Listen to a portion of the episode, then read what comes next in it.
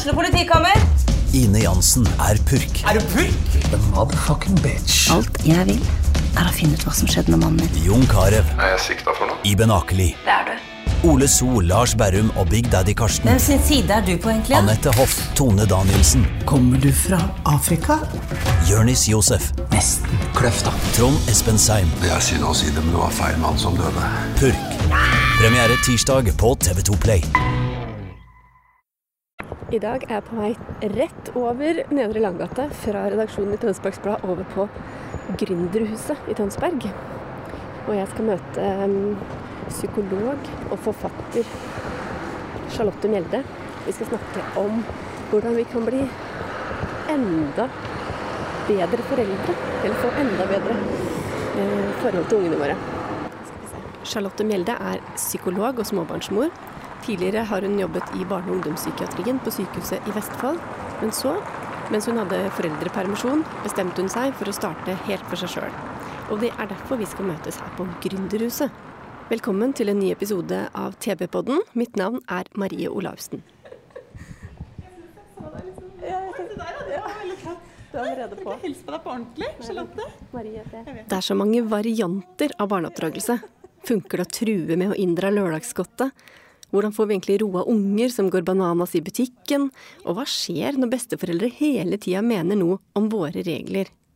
Aller først lurer jeg på, Charlotte, hva er det viktigste vi må vite om barna våre? Det viktigste vi må vite om barna våre ja, Jeg er jo litt opptatt av at vi skal vite hvordan de er skrudd sammen. da. Hvordan er det egentlig barn fungerer? Så Det er jo noe jeg også skriver litt om uh, i boka mi. Det her med at uh, hjernen til barn, særlig små barn, den er jo styrt av følelser, lyster, impulser. Og der hvor vi voksne raskt kan koble på fornuften og stoppe opp da, hvis det er noe som vi trenger å stoppe. Der er ikke barna våre like gode enda. Så de kan fort komme til å slå eller uh, si ting eller gjøre ting som kanskje vi voksne ikke hadde gjort. Bare fordi de er barn. Jeg, jeg tenker jo ikke at vi skal synes det er greit at barna slår nødvendigvis, men det skal være lov å være sint. da. Uh, så det jeg øver med med mine barn da, Jeg har to barn som er tre og fem. Uh, og det er at OK, det gjør vondt når du slår, men du kan godt trampe i gulvet. Eller du kan få lov å brøle til meg, liksom. Det må slippe ut sinne i passe store doser, da. Så jeg, jeg øver på hjemme hos meg å tillate sinne. Det skal være greit å bli sint, men det er ikke greit at barna mine slår. Det er, det, det er aldri greit. Charlotte Mjelde har akkurat kommet med en bok som heter 'Bli klokere på barnet ditt'. Det er allerede en superhit. Den er på tredje opplag, og den koser seg på bestselgerlistene. Veldig fint at det er noen der ute som syns det er spennende og har lyst til å lære mer om hvordan barn er skrudd sammen.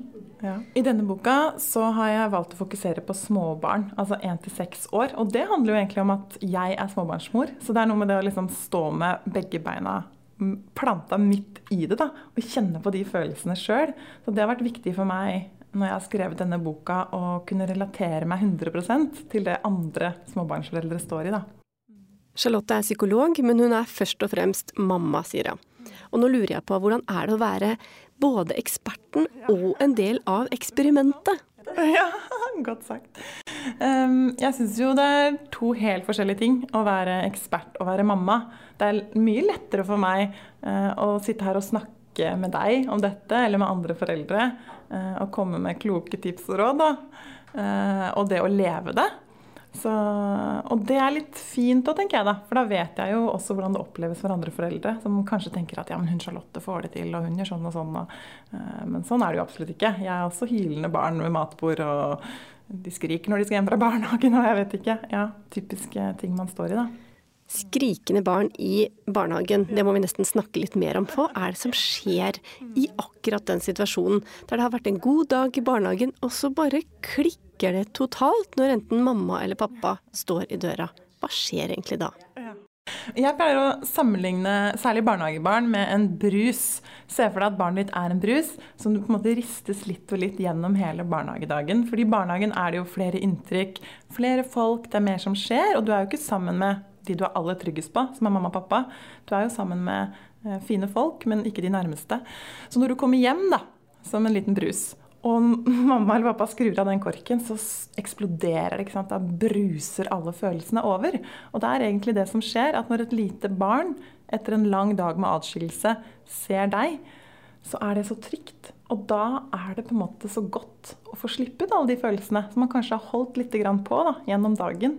Så det blir et slags sånn ja, klimaks, på en måte. Mm.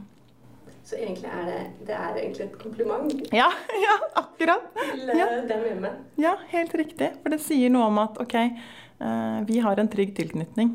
Eh, det er trygt for meg å vise alle følelsene mine til mamma eller pappa.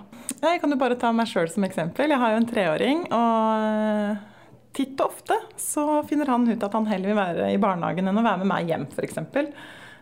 Og da syns jeg ikke det er så kjempegøy. Så da tenker jeg liksom, ok, hvordan kan jeg på en måte få han eh, med på hans premisser? Eh, For det er jo noe med det at jeg har et behov for at han skal komme med en gang, ta på seg klærne og bli med meg. Det er mitt behov. Mens hans behov er kanskje å fullføre en lek. da. Kanskje kommer jeg midt i noe som er viktig for han, men det er vanskelig for meg å se. Så det å gi han litt tid, f.eks., og si at nå er jeg her, eh, nå pakker jeg sekken din mens du gjør deg ferdig med den leken. At man sier litt sånn hva som skjer. Og beskriver litt eh, for barnet ok, nå skjer dette, og så skjer dette. Man forbereder litt, da, har jeg god erfaring med. Og så er det jo hjelpsomt å leke litt hvis man har overskudd. Um, så før jeg drar i barnehagen, så pleier jeg alltid å spise litt og tisse litt. Og liksom være på topp sjøl. Uh, og kanskje er jeg jakken som spiser opp armene hans eller et eller annet for å få med meg ut. Og noen ganger så er det ingenting som funker. Uh, og det bare er total kollaps. da. Han blir kjempesint. Um, og da øver jeg meg på å ta en, en varm ledelse, da, om jeg kan si det sånn. Så da hender det jeg bærer han ut. Men så empatisk jeg kan, da. Ja. Noen ganger er det en utfordring når ungene klikker akkurat når det er andre foreldre som er der, eller når det skjer på butikken, eller det skjer i et familieselskap, så er det alltid noen andre som mener noe om dette her, om hvordan vi takler det eller ikke takler det, og hvordan kan vi stenge det ute, eller forklare for andre hvorfor vi gjør det akkurat sånn som vi gjør det. Um, jeg tenker jo først og fremst, Hvis jeg står i en situasjon med barna mine og det koker veldig, så prøver jeg rett og slett å blokke ut andre litt. Tenke at dette er bakgrunnsstøy. Det som betyr noe nå, det er meg og barnet mitt. Og ha liksom fokus på det. da. Uh, og jeg har snakka med en del foreldre som står i det der med å være uenig f.eks. med besteforeldre eller andre om hvordan det er klokt å oppdra barn. da. Um, og da er min erfaring at uh, det hjelper ikke så veldig å prøve å overbevise andre eller forklare eller vise til forskning som sier sånn og sånn. Uh, fordi folk er veldig sånn Ja, men det som funka for meg, det må jo funke for dem. Uh, det er liksom følelser som skaper endring. Um, så jeg tror det er viktigere at man er tro mot seg sjøl og er trygg på det man gjør og står i, enn å overbevise andre. Så tenker jeg at eh, vi møter barn på en litt annen måte i dag enn det vi gjorde bare for en generasjon siden. Da. Vi er mer opptatt av følelser i dag, og det tenker jeg er en god ting. Eh, før var man mer opptatt av hva barn gjør. Nå er vi litt mer opptatt av hva som skjer på innsida. Eh, og jeg tror det er positivt. Det å bli mor gjorde noe med psykologen Charlotte. Det ble også inspirasjon til å si opp jobben og starte for seg selv. Ja, hvordan starta det? Eh, det var, jeg begynte litt med å skrive på Instagram i mammapermen. Jeg kjente et sånt behov for da jeg selv ble mor. Da. At um, Jeg kjente på at det var kanskje et litt sånn hull mellom de rådene som jeg fikk både av helsevesenet og venner og bekjente, og det jeg følte var riktig. Uh, og også i forhold til hva jeg kan med min bakgrunn. da. Så jeg fikk et veldig stort behov for å dele, så jeg begynte å skrive om det. Og så skapte det et stort engasjement. Så det var, det var, noe som traff noe der ute. Det var tydeligvis flere småbarnsmødre, foreldre, som var opptatt av det samme som meg. Og da tenkte jeg at ok, her, her Enten må jeg tjene penger på dette, eller så blir det en veldig dyr hobby. Det var egentlig det jeg tenkte. Så da starta jeg Hjertefamilie. Mm. Jeg pleier å si sånn, Se for deg Netflix med en psykolog som leder det, og det er masse småbarnsforeldre der. Netflix for småbarnsforeldre. Hvor du får på en måte skreddersydd innhold og veiledning av meg. Da. Det er ikke helsehjelp, men det er en mer sånn fellesskap med foreldre som er opptatt av de samme verdiene, kanskje. Med flere hundre småbarnsfamilier i klubben sin har Charlotte god tilgang til hva småbarnsforeldre strir mest med om dagen. Det første som eh, jeg kommer til å tenke på, det er dette med tid. Det er noe vi snakker om faktisk ganske mye. Det å kjenne på den skvisen da, som småbarnsforeldre i dag. Det at man på en måte skal strekke til på jobben, man skal strekke til å være 100% forelder, man skal kjøre til fritidsaktiviteter. Uh, og så har vi jo veldig liten tid der på ettermiddagen mellom jobb, barnehage, skole og før det er kveld. da. Det er liksom krysspress, tror jeg vi hørte noen som beskrev det som. Det var godt sagt, egentlig. Jeg tror i hvert fall man savner tid til å kanskje være den forelderen man ønsker å være. Jeg tror mange kjenner på at åh, jeg har så lyst til å, uh, å leke mer med barnet mitt, eller tilbringe mer tid med barnet mitt uten at vi gjør noe spesielt, på en måte. Det er litt den derre somletiden. Uh, å bare somle rundt sammen med ungene sine. Det tror jeg foreldre kan savne litt. Uh, fordi det er så mange krav hele tiden. Det er så mye man burde, må, skulle gjøre. da. Uh, og det å føle at man ikke strekker til 100% hjemme, ikke strekker til 100% på jobb. Og at det er litt sånn misfornøyde miner på alle kanter fordi man ikke får det til. Og hvordan løser de det, de som virkelig får det til? Ja, godt spørsmål. Mm. Det vet jeg ikke, da. Jeg har ikke noe helt sånn fasitsvar på det. Men jeg mener jo da, fra mitt perspektiv, at uh, småbarnsforeldre burde få mer fleksibel arbeidstid, kortere dager, mer ferie. Uh, et rausere arbeidsliv, da. Jeg tror det kunne løst mange ting. Uh, at vi ser verdien i det og anerkjenner det å ha små barn særlig. At det er en veldig krevende periode som har store ringvirkninger for senere helse. da. Uh, og den er jo så kort, den barndommen, så det å investere i den, det tror jeg er lurt. Det er nesten litt ironisk da, at alle disse utviklingene i livet skal skje samtidig. Vi skal få barn, og så er vi midt i karrieren, og så skal vi bygge hus, eller i hvert fall pusse opp, og så skal vi få kanskje barn nummer to, og så pusse opp enda mer. Men det er, det er akkurat sånn det du beskriver her, da. Jeg føler at småbarnstida, det føles som hele livet skal leves i den perioden. Du skal føde barn. Du skal føde et nytt barn. Du skal pusse opp huset ditt, du skal få karriere, du skal kjøpe en pus. Altså, det er så mange ting som skal skje akkurat i de åra der. I denne hjertefamilien snakker Charlotte mye om selvfølelse. Og hvis jeg skjønner det riktig, så er selvfølelse grunnlaget for at vi kan bli gode mennesker, eller at vi kan bli mennesker som har det bra med oss sjøl. Utvikling av selvfølelsen starter veldig tidlig. Jeg tenker jo at Selvfølelsen den starter med den tidlige tilknytningen som går fra barn til foreldre. Uh, og tilknytningen blir på en måte en slags mal inni hjernen til barnet ditt om hvordan barnet kan forvente seg å bli møtt senere i livet. Da. Det blir på en måte den første relasjonen som uh, viser ok, hvordan er det jeg skal lage relasjoner med andre? Hvordan er det jeg skal håndtere følelsene mine? Um, sette grenser for meg selv. Så det å kjenne seg trygg i relasjon til foreldrene sine, det er på en måte første steg til god selvfølelse. Jeg tenker jo det handler mye om å, Den første tida så handler det jo om å bli kjent med ungen sin. på en måte. Ok, barnet mitt klynker litt og gråter. Hva trenger barnet mitt nå? Eh, og et lite spedbarn vil jo man f.eks. plukke opp når det gråter. Det er jo å møte barnets følelser. Eh, og møte barnets behov. Og da erfarer jo barna at ok, når jeg gråter, så får jeg trøst. Og da utvikles, utvikles det en tillit. Og det er på en måte det som danner grunnlaget for tilknytningen. da. Og når barnet blir større, eh, så handler det om å, å, kanskje sette seg litt sånn inn i barnets sko. Kjenne litt sånn etter OK, ungen min sutrer og klamrer seg til meg. Hva er det egentlig barnet mitt trenger nå? Fordi før så tror jeg man tenkte mer sånn Jeg er voksen, så barnet mitt skal høre på meg. Mens nå så tenker man mer sånn uh, Hvordan kan jeg være en voksen som barnet mitt gjerne vil lytte til? Man har et litt annet perspektiv. Hvordan bli en voksen som barna vil lytte til, ja. Jeg tenker på dette med skjerm, f.eks. Det kan bli litt grenseløst om dagen. Da vi var små, var det NRK, og så slutta det når barne-TV var over. Da var det liksom slutt. Men i dag er det aldri noe som slutter. Neste episode begynner, enten det er på YouTube eller på Netflix, og du trenger ikke å klikke engang. Det er helt grenseløst.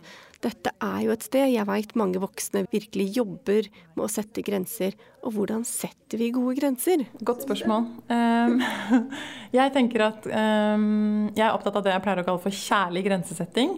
Og det handler om at først, at jeg da, som forelder først kjenner litt etter. Ok, hvordan er det jeg vil bli behandlet. Hva er det som er greit og ikke greit? Mange snakker om dette her med å sette grenser for barn, men i mange tilfeller så handler det om å sette grenser for seg sjøl også. Så hvis eh, et eksempel på litt sånn gammeldags grensesetting vil jo være trusler, konsekvenser, straff. ikke sant? Hvis ikke du gjør som jeg sier nå, så må du gå på rommet ditt. Uh, mens jeg heller ville sagt hvis barnet mitt roper og hyler f.eks., istedenfor å si 'nå må du slutte, gå på rommet ditt', så ville jeg sagt 'jeg trenger at det er stille og rolig her nå'.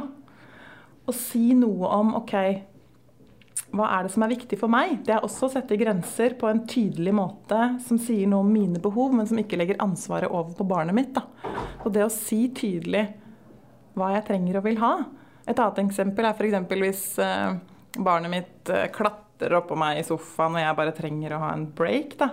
Uh, så istedenfor å si 'Å, må du klatre og klenge på meg', så kan jeg si 'Jeg vil ikke at du klatrer på meg nå.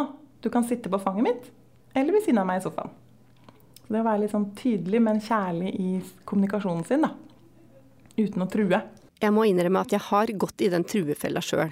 Og det endte med null skjerm i 14 dager for ungene mine, noe som kanskje var aller verst for meg. Og det har jeg òg, ikke sant. Jeg også truer ungene mine.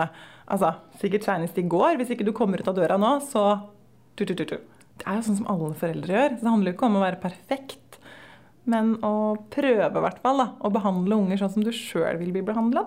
Jeg opplever at når man blir forelder, så blir man på en måte født litt sånn på ny. Det er så mange nye følelser og tanker og bekymringer som kommer opp.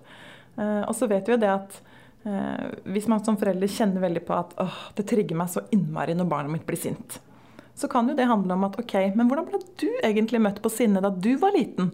Ble du bedt om å gå på rommet, eller gå ut, eller Så har jo dine foreldre sendt et signal om at den følelsen er ikke grei å kjenne på. Den må du få bort.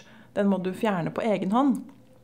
Og det gjør jo noe med hvordan vi som foreldre klarer å håndtere den følelsen som voksne, og i våre egne barn. Eh, så der tror jeg mange foreldre kan møte seg sjøl, eller det lille barnet, om man kan si det sånn. da. Ok, dette er vanskelig for meg, fordi jeg har jo egentlig ikke lært hvordan jeg skal håndtere sinne. Det å være sint kan være både sårt og skamfullt, og sinne er ikke en veldig akseptert følelse i Norge i dag, så jeg lurer på hvordan kan vi møte ungene våre når de er skikkelig, skikkelig sinna?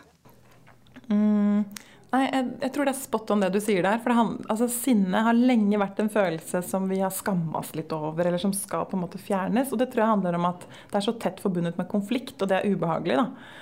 Um, men når mine barn blir sinte, så prøver jeg å la de være sinte. Jeg tenker at små barn trenger å få lov til å være forbanna. For det er den eneste måten de lærer seg å håndtere den følelsen. Og hvis vi sier til de små barna våre at nei, du kan ikke være sint, så blir de tenåringer som ikke aner hva de skal gjøre med sinnet. Og da oppstår jo de store problemene, ikke sant. Så jeg tenker at um, det å uh, si at OK, ja, så, det er greit at du blir sint. Du syns den eller den var kjip mot deg, liksom. Jeg skjønner at det er kjipt. Det, du har lov til å være sint, men du kan ikke slå meg. Du kan ikke kaste ting eller ødelegge ting. Da må jeg stoppe deg, og jeg holder deg helt til du er rolig i kroppen din. Eh, og det å øve litt på OK, med større barn så kan man jo også mm, reflektere litt. OK, hvordan kan du Når du er sinna, hva kan du gjøre? Kan du sette ord på det? Kan du slå i en pute? Altså noe som er mer uh, innafor rammene, da. Dagens barneoppdragelse da, nok har et mer langsiktig perspektiv. I hvert fall er mitt fokus det er på hvordan kan jeg i størst mulig grad bygge en god relasjon til barnet mitt. Uh, og jeg kan godt true barnet mitt eller komme med den og den konsekvensen, og det funker jo kjempebra, det, der og da, men ikke på lang sikt. Så noen ganger så må vi stå i litt sånne vanskelige situasjoner. Men så prøver jeg å minne meg sjøl på det, at uh, dette er lurt. Fordi uh, fokus i bånn er å bygge en god relasjon, da. Mm. Og nå som vi snart er i mål med dette intervjuet, har Charlotte én liten ting hun gjerne vil minne foreldrene på. Kanskje én ting, det her med selvfølelsen du var inne på i stad. Um, som kanskje oppsummerer litt det vi har snakka om nå, da, er at å ha god selvfølelse det handler ikke alltid om å være flink eller modig eller tøff. Men det handler om å ha evnen til å håndtere alle følelser. Også de vonde. Det er jo derfor det heter selvfølelse. Da håper jeg du sitter igjen med en god følelse etter å ha hørt denne ukens episode av TV-podden. Den er laget av meg, Marie Olaussen, og vår ansvarlige redaktør er Sigmund Kydland. Har du et enkeltpersonforetak eller en liten bedrift? Da er du sikkert lei av å høre meg snakke om hvor enkelt det er med kvitteringer og bilag i fiken, så vi eh, gir oss her, vi. Fordi vi liker enkelt. Fiken superenkelt regnskap.